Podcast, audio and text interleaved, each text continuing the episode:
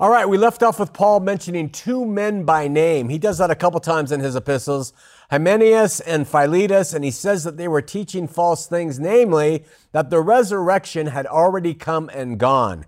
And he continues at verse 19 and says, Nevertheless, the foundation of God stands sure, having this seal. The Lord knows them that are his, and let everyone that nameth the name of Christ depart from iniquity. But in a great house there are not only vessels of gold and of silver, but also of wood and of earth, and some of honor and some to dishonor. If a man therefore purge himself from these, he shall be a vessel unto honor sanctified and meet for the master's use and prepared unto every good work. Timothy, verse 22, flee youthful lusts but follow righteousness, faith, charity, peace with them that call on the name of the Lord out of a pure heart. But foolish and unlearned questions avoid, knowing that they do gender strifes.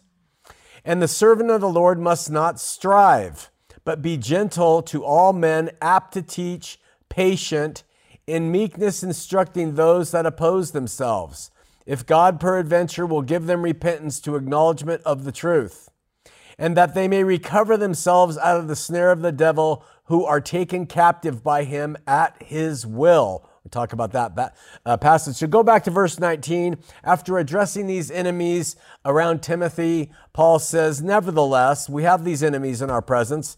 The foundation of God stands sure, having this seal. The Lord knows them that are his, and let everyone that names the name of Christ depart from iniquity. That's the seal on the foundation. In spite of the enemies and all the false doctrine that they had been teaching about the resurrection, Paul says the foundation of God is sure. That means it's steady, that it is secure. And even though some had been turned away from the faith, by the words of these false teachers, the foundation of uh, the church that was at that time and today, God said was laid and remains firm. You don't have to worry about the, the, the enemies of it. And we know of this foundation from other writings of Paul in Ephesians chapter 2 verse 20. You're going to you're going to recognize this. Paul calls the the church the household of God at that time. And I believe he's talking about the bride at that time. And I believe he's talking about all that are of the household of God. And he adds that is built upon a foundation of apostles and prophets, Jesus Christ himself being the chief cornerstone. That's the foundation of the faith, a foundation of apostles and prophets, with Jesus Christ being the chief cornerstone. Stand on that foundation um, is reminded before stepping up upon it. The Lord knows those who are His. That's the thing to, that He's saying. That's a fact. So don't get up on that foundation and think you're fooling Him. He knows who are His. That's what it says. It's probably borrowing from number 16.5 where it says, The Lord will show who are His. Uh, the Septuagint translation of that is God knows who are His. And so Paul is probably borrowing from that. Um, there's no fooling him. There's no deceiving God as his knowledge is sure and certain as he reads the heart and mind and intentions of those who are his. Again, uh, like we talked about this morning, you can fail in your um, execution of life. Um, but the heart and mind and intentions and desires is known to God. He's not killing, beating you up for failing in the execution. That's why he sent his son. But he is certainly knows if you really care about him. He certainly knows if you should stand on that foundation of apostles, prophets, and Christ, because he knows those who are his. So just because you go to church, just because you read the scripture, if you do all that stuff, if the heart is not in harmony with him, you have an issue. That's the problem. And, and so he knows who are his. But Paul doesn't leave it as that. He says, Let everyone that nameth the name of Christ depart from iniquity. That's the second statement on that foundation. He knows who are his, And if you are his by and through naming by faith the name of Christ, depart from iniquity. The Greek word is adikia, and it means from unjust living, unjustified living, unrighteous living. And from these two passages, Paul is going to now describe the body of believers as a house of different types of items. I just help uh, my family line of thinking in these verses. So, the first principle is the Lord knows those who are His. Don't try to fake it. The second is if you are His, truly lay claim to Him and His name as Lord and Savior of your life. And then it's that would be incumbent upon you to walk from the unrighteous traits that we encounter encounter as human beings in our flesh. In the second subscription of to walk from unrighteousness, we have a phrase that leads to the notion that it's up to each individual to choose to abandon the evil deeds of their flesh. And while there's some truth to this, the only reality is that we can only succeed in walking from the deeds of our flesh by and through his power and strength, not ours. And uh, if you're wrapped up in sin, especially like I was, the only way to be emancipated from that is by his power and not your own. And until that's understood, you'll forever be practicing religion and trying to reform yourself. So I would kind of explain it this way as a, as a way to illustrate how to um, walk from the iniquity that you are bound in. Suppose that somebody has taken you and tied you up. They've wrapped you up. They've they've bound your your mouth and uh, head to toe. They've tied you up with ropes. Your wrists are bound, your feet are bound, and then your legs are bound with ropes and ties, and your arms, your whole body, your eyes are covered, and um, the the knots that are used are the type that when you resist, they grow tighter. Okay? I'm trying to give you an image of how to allow God to help you overcome yourself and, and your nature. And so someone ties you up with knots, and the more you resist, the tighter they become. That's the idea of what happens when you try to overcome your own flesh through your own will without submitting to the will of God. You resist and they just grow tighter and tighter. And then suppose in that state someone says, now walk across the desert. So it's going to be a, a, virtually impossible task to walk across the desert, even without the ties, let alone with them. That's what's equivalent to trying to do this through your own flesh. And it's what I've learned by coming out of religion, which taught me how to do things by my own flesh, which was a total fail. Because all you're empowering when you use your flesh to overcome your flesh is your flesh. It gets stronger. So when you use the very thing that's that is causing you to fail to overcome the thing that's causing you to fail, you empower the thing that's causing you to fail. And that is why the solution is never our strength. Suppose you have someone show up, however, on the scene and they are an expert at getting out of the ties that have bound you. We'll call this person Harry Houdini. Houdini was an expert. You could bind him in every way possible, and he would be able to get out of it. And how did he do it? He would teach you and coach you how to relax, how to let go, how to trust God and not your own flesh, to get out of the ties that hold you, uh, hold you bound. And so he instructs you piece by piece. He'll tell you, first, get this free, and then you will do what is necessary. Breathing exercises, to, I'm not saying you do this with God, but breathing exercises to loosen the rope, relaxing your muscles to escape from what holds us bound. And we'll, if you don't desire it, you won't do it. Your lack of desire to change what holds you bound is a direct indication to God that you don't care. And He knows. So if you don't care, you don't care. And if you don't have the desire, you're not going to fake it. And He knows that. And He will look at us accordingly. But if you desire to overcome whatever it is that you are doing or believing or acting on, If you desire that, that's where you start. And he knows if the desire is true. And then after we desire escape, you then allow him to make escape possible. And the recipe requires patience, trust in him, faith, looking to him, long suffering. And as he gives you the skill sets to become free. And it's not in resisting. I just can't say that enough. It's in releasing. It's not in turning to your strength, it's turning to His.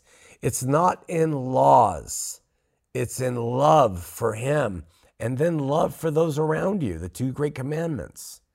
You see, when you desire to change and you want to be set free and you're willing to look to Him and you love Him and you love others who your lifestyle is affecting, that will enable you to help release these things that hold you bound. And it's realizing that in our weakness, He is made strong. And people don't realize that concept too well either. That in the weakness of our flesh, God is given more glory, more honor, more power. See, when we are strong in our flesh, God is getting less power, less glory, less honor. That's the problem with Mormonism is when, you know, everybody can can bend, uh, bend, and, bend and bear it, grin and bear it, and never taste coffee or whatever it is, they're empowered. Their flesh is empowered, right? But when God helps them escape that, God is empowered. When they are weak and they can't stop, God is then empowered, both by helping you escape, also through his love and his long suffering with you, a sinner. You see? So God is always going to be the one that is empowered as you relinquish yourself to him. But when you turn to self, you will be the one who's empowered and he's not. And that's why the scripture so readily speaks against it. So, where Paul's words seem to suggest that we are the ones in our strength to turn from iniquity. The rest of scripture and context makes it plain that he's the one. And we are merely inviting him, desiring him, and allowing him to get the, the job done. And he will. And there's no race. That's why Paul, he goes to God three times. He says, Remove this thorn from my side. We don't know what it was. Could have been anything. He could have had a penchant for deer sex. No idea. He could have had anything. He could have been, it could have been his eyesight, like many people say. It could have been his hatred for his ex wife. He could have had anything. God, remove this. What was God's response? My grace is sufficient. I don't, the, the, the, the thing, don't you worry about the thing. We need to handle the long process here. We need to look at the long view. The thing will take care of, right? It's already been taken care of large edifice, and that in such a building, we would expect to see some things that are uh, dishonorable, he calls them. They're made of, of clay, they're made of wood. They are going to fall apart, break, uh, you know, decay. And there are other items that are precious and they last for centuries and centuries and millennia gold and silver, things like that. And so, using this analogy, he's saying that in such a house, these items of wood or clay, like broom handles and bowls and pots, uh, are inferior in, in, to the vessels of gold and silver. Precious items like silver art frame and gold flatware and diamond fixtures and solid gold tables, whatever they are. Now, we don't take this literally. He's making an appeal to what's in the church. And Paul describes these things as having honor and some dishonor. And his point is that some items are highly respected in their makeup and in their use in that house, while others are much less respected due to the properties of their makeup. And we would value and respect a gold and diamond vase much more than we would value and respect a wooden pot that you spit tobacco in. And this is his kind of analogy. And the same is to be expected in the church, is what Paul's point is. So, skipping all the explanations to this analogy, what Paul is saying is we can uh, we can presume that there are a variety of different attributes to have as a believer in the household of God. And to seek to have the attributes that are gold and silver and not the ones that are made of clay and wood or whatever it might be. He adds at verse 21 If a man therefore purge himself from these, and the these I think he's referring to as the beggarly elements, the clay and the wood, he shall be a vessel unto honor sanctified, and meet for the master's use, ready, capable of the master's use, prepared unto every good work. So the word these here refers apparently to those things in the house that are of an inferior nature. And of course, a literal interpretation would be useless uh, because a broom is made of an inferior product compared to a gold toilet seat but a broom made of solid gold that has no straw but is made of a solid gold thing is useless. So it's not a literal application. We're just learning what he's trying to say is listen, if you're going to be in the household of God, rid yourself of the iniquities and the things that are in you so that you are more precious as a vessel in that house. And that's what goes back to the verse where he said, you know, rid yourself of uh, the second stanza that's on that thing. God knows who are his, and those who use the name of Christ will depart from iniquity. This is the launching pad from that statement departing from iniquity. So get rid of the clay and straw and wood that's part of your nature. Um, he does this so much so, in fact, that Paul even says that at the judgment, everything will be tried by fire. That's what is taught and that the wood, hay, and stubble of our works, we talked about this this morning, would be consumed, leaving only the stuff that's precious and valuable. So allow yourselves to be purified, he's telling to allow yourself to be purified, Timothy. And re- several times in Paul's epistles where he will tell believers to call on the Lord out of a pure heart. It's like important that it's not just a religious calling on the Lord. Oh, it's time for prayer, 2:30. Let's pray that you're calling on the Lord out of a pure heart. And so he advises Timothy to do the same. The advice is self explanatory, but the last line is important. Four times, including this one, um, the pure heart is articulated in the New Testament. In 1 Timothy 1 5, now the end of the commandment is charity out of a pure heart and good conscience and faith unfeigned, is what he says. Peter wrote in 1 Peter 1 22, seeing you have purified your souls in obeying the truth through the Spirit unto unfeigned love of the brethren. See that you love one another with a pure heart fervently. And such a heart is made only by Him through the Spirit and our willingness to allow Him to work, which I keep reiterating. So, we do five programs on Sunday, and I'm on the fifth, and my voice is going. Plus, I smoke seven packs a day, so just kidding.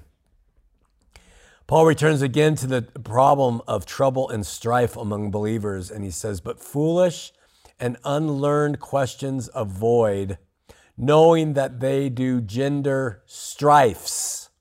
Strifes so, in his first epistle to Timothy, Paul repeatedly warned against foolish talk and questions. The word unlearned means trifling things that cause problems, and instead of edification, they make everybody stupid. And so, I remember a favorite, and you've probably all heard it that can God make a rock so big he can't pick it up? That is an example of unlearned questions that cause strife. Why does Paul use this? Because in Greece, or not in Greece, but in uh, Hellenistic countries, those were favorite topics to come up with some situation that was not answerable and people could sit around and debate all day long. That's what he's really speaking to. Now, the Hebrews did it too, uh, but the Greeks really did it. And that's what I think he's speaking to, primarily here in context. Don't get involved in all of that, uh, Timothy. And at this point, he brings Timothy back to the ways he ought to be and says at verse 24 through 25 The servant of the Lord must not strive, but be gentle unto all men, apt to teach, patient, in meekness instructing those that oppose themselves, if God peradventure would give them repentance to the acknowledgement of the truth. Paul does not say, to the pastors of the church, to the shepherds of the Lord, to the elders, but to the doulos of the Lord, the servants. The servant. So that's everybody. Anybody who's in the service of God, he is recommending this. And of course, the context, uh, context seems to point directly to those who were in leadership in the church at that time. But the application could be to all who serve the king. And that would be to receive him by faith and follow his lead.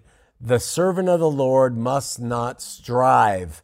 The word is makamahi, and it means go to war. Now, uh, the meaning is very plain. Those who are his operate by characteristics and ways that are not of this world, but are of the. Since to write unto you of the common salvation, it was needful for me to write unto you and exhort that you should earnestly contend for the faith which was once delivered unto the saints. So, which is it? Don't strive, uh, or is it to earnestly contend for the faith? Our answer lies, of course, in the Greek. It's in the Greek.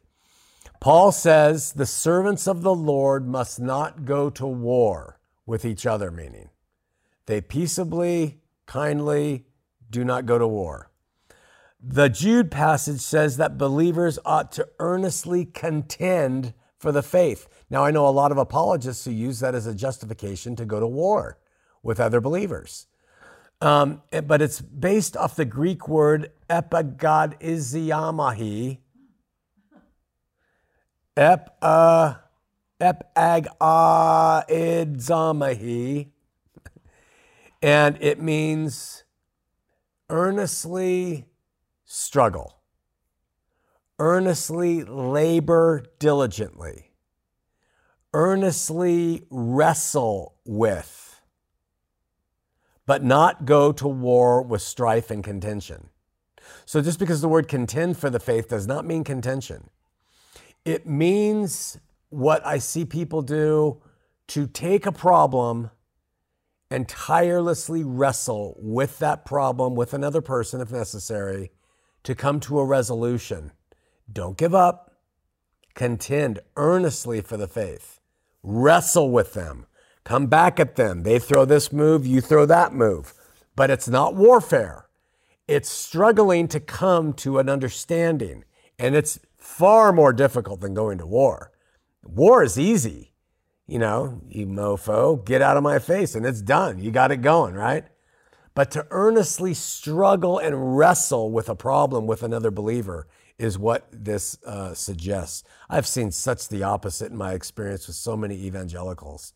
They go to war, they want to destroy, they attack, instead of being willing for a long, protracted wrestling match where you struggle with concepts and ideas. It's assassinate the character and just go on from there. And that is not what Scripture teaches. So when Paul says don't strive, he means it. And when and Jude says, uh, earnestly contend, we should. So the differences are subtle, but they're there. We know that the passages uh, don't mean contention. In 2 Timothy, verse 24, the servant of the Lord must not strive, to reiterate that, but be gentle unto all men. Tough. I've had to learn this over and over. And then he adds, apt to teach, patient, in meekness instructing those that oppose themselves, if God peradventure would give them repentance to the acknowledgement of the truth. So it's a lie if it means we should contend for the faith with warfare, what he just said. But what he just said is the truth. No warfare, no contentions, no mean, unkind, abrupt attacks, but instead a servant of the Lord must be gentle to all people, apt to teach that means you're inclined to teach people as you're talking with them and to ex- explain. Patient in meekness, instructing those that oppose themselves, if God peradventure would give them repentance to the acknowledgement of the truth. So you're being gentle, you're apt to teach, you're patient. It's a word that doesn't occur anywhere else in the New Testament. And instead of being straight up, look at the scripture, you're wrestling with them patiently and kindly, apt to teach. Again, this is to all those who serve God, not just to pastors. So, as natural men and women, we tend to think in our flesh that um, in the face of those who resist God against themselves and do things, that it's better to attack them. And Paul uh, corrects this notion and reminds us that servants are to be peaceable, gentle, not strive. Some maintain that there is uh, purpose in calling people out and labeling them, for instance, as different things uh, holding them up to public scorn, not so. And Paul provides us the reason, saying, if, or in the case that God peradventure would give them repentance to the acknowledgement of the truth. In your long suffering and kindness and gentleness and struggle with them, God peradventure will wake them up and they will see the light and say, Man, I really have been off. And that's why the goodness of God leads to repentance, as we talked about in milk this morning that God would give them insight. So do everything in your power and get out of God's way in reaching them with the truth, the spirit of truth. And that uh, includes resisting insulting and embarrassing and removing them from your company by word violence, but, but the opposite. Be a representative. And at verse 22, uh, verse 26, that they may recover themselves out of the snare of the devil who are taken captive by him at his will. Okay? So Paul says, in doing all this, they might recover themselves. And I really like that line because it, it speaks to the fact that we have to wake up ourselves when we turn from something. And people say, oh, no, no, no, God, He's going to change your mind. And He will show you, He will lead, He will reach out, He will give you every indication. But you have to recover yourself. You have to make the decision yourself because we will stand uh, before God without excuse. And that's why we have in the par- parable of the sower, God, I am losing it. That's why we have in the parable of the, of the prodigal son that the prodigal goes off and the prodigal is, is in the field and he's, he's fallen to the depths of despair after he went and spent his money on riotous living. And the scripture says, and when he came to himself, when he came to himself, and he said, I could be treated better in the house of my father. Why am I sitting here eating the husks of corn for pigs? And he departed and went back to his father, who received him with the ring and the robe and everything. And that this is Paul tying that into that. So we engage with that prodigal. We're out there with him and, and, and we talk to them about kindly and lovingly coming back. I do it frequently with several people in my life, and I've been doing it for several people in my life for several years. And it doesn't necessarily ever really amount to much with some of them. You can tell them, listen, you know, brother, I love you. You're wasting your life smoking pot every day. You know, it's just ruining you. Uh, I know, I know, but I just can't stop.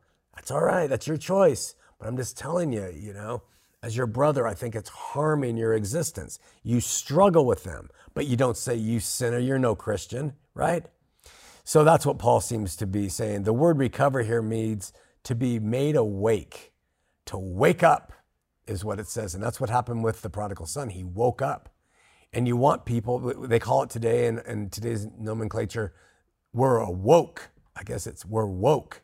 I hate it. I don't even understand it but there is a at his will could take people captive in his day. If you're a believer in Satan today, you would say he still is able to capture people at his will. The Greek word here best means those who are taken alive, who are won over, who are taken captive through the snares of seduction. The line added at his will sounds like Satan has the ability to do whatever he wants, but the story of Job proves that idea false. Um, what the phraseology better means is that Satan, having taken them and ensnared them, that he has gotten them to comply to his will, just as he gets a bird to step into the snare that traps it. And that's really the meaning of that passage, not that Satan could do what he wants. Now, we just have a few minutes left. And so I'm going to embark on chapter three and set the stage for next week. As Paul now says at verse one, this know also that in the last days perilous times shall come. For men shall be lovers of their own selves, covetous, boasters, proud, blasphemers, disobedient to parent, unthankful, unholy, without natural affection, truce breakers, false accusers, incontinent, fierce, despisers of those that are good, traitors, heady, high minded, lovers of pleasures more than lovers of God, having a form of godliness but denying the power they have. From such turn away. He starts off and says, In the last days, and then he tells Timothy, From such turn away. You know what you do? You put those together. He says, In the last days, turn away. That's how you read it, you see. So he says, In the last days, so he's implying that these are the last days, Timothy, and people are going to be this way, and from such turn away, right? For of this sort are they which creep into houses and lead captive silly women laden with sins, led away of diverse lusts, ever learning, never able to come to a knowledge of the truth. So I'm just going to cover the first verse. This know also that in the last days perilous times shall come. I have to point out again, and I always do, that this epistle was written specifically to and only to Timothy. That's who it was written to. Paul tells Timothy alone, This also know that in the last days, all these types of people are going to come around. From them, get away from. So it's a direct message from Paul to Timothy. We're in the last days. These people are going to exist. Don't hang out with them. The obvious follow up question is why would Paul want Timothy to know that in the last days perilous times would come and then spend the next nine or 10 verses describing what people would be like in those days if the last days are going to be 2,000 years later or more? And we're going to end with that. Questions, comments, insights in this our meet in our meet gathering.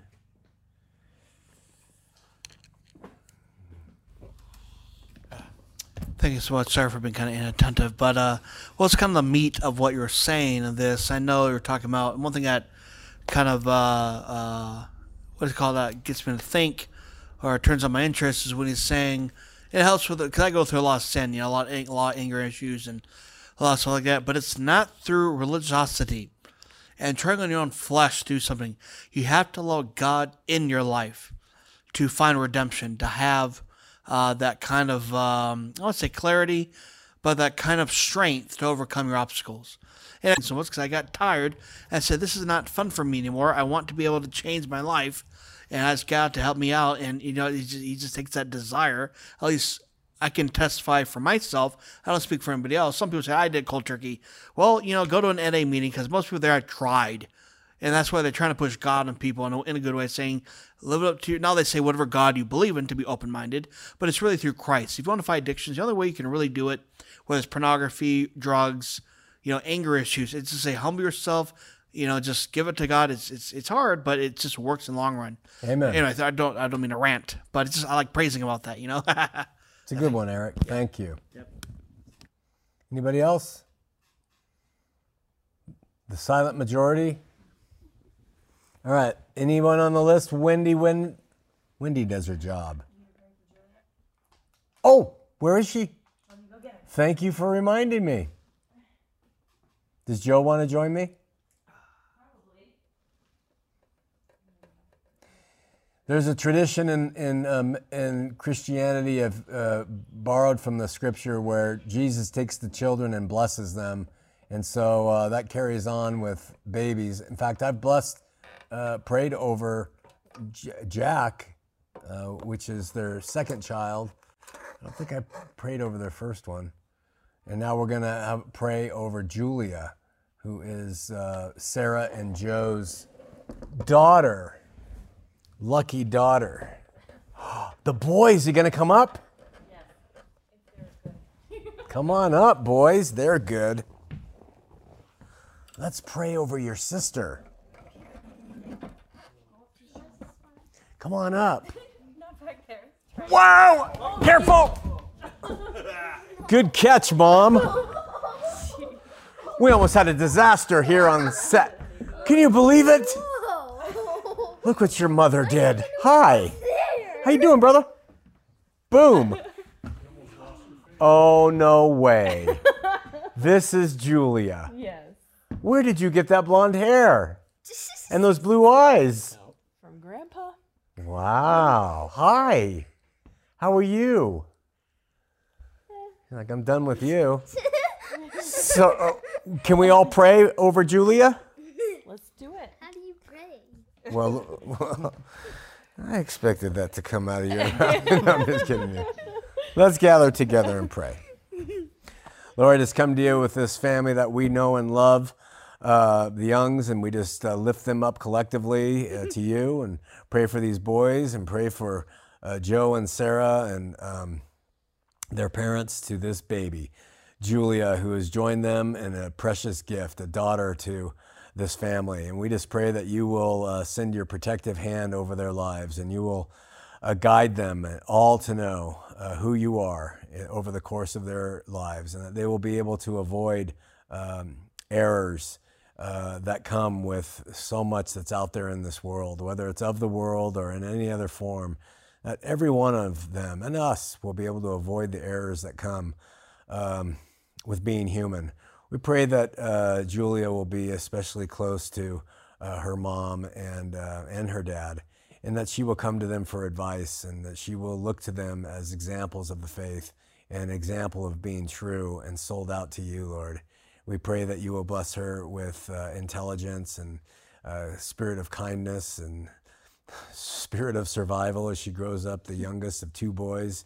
And uh, we pray that she will be strong in her own right.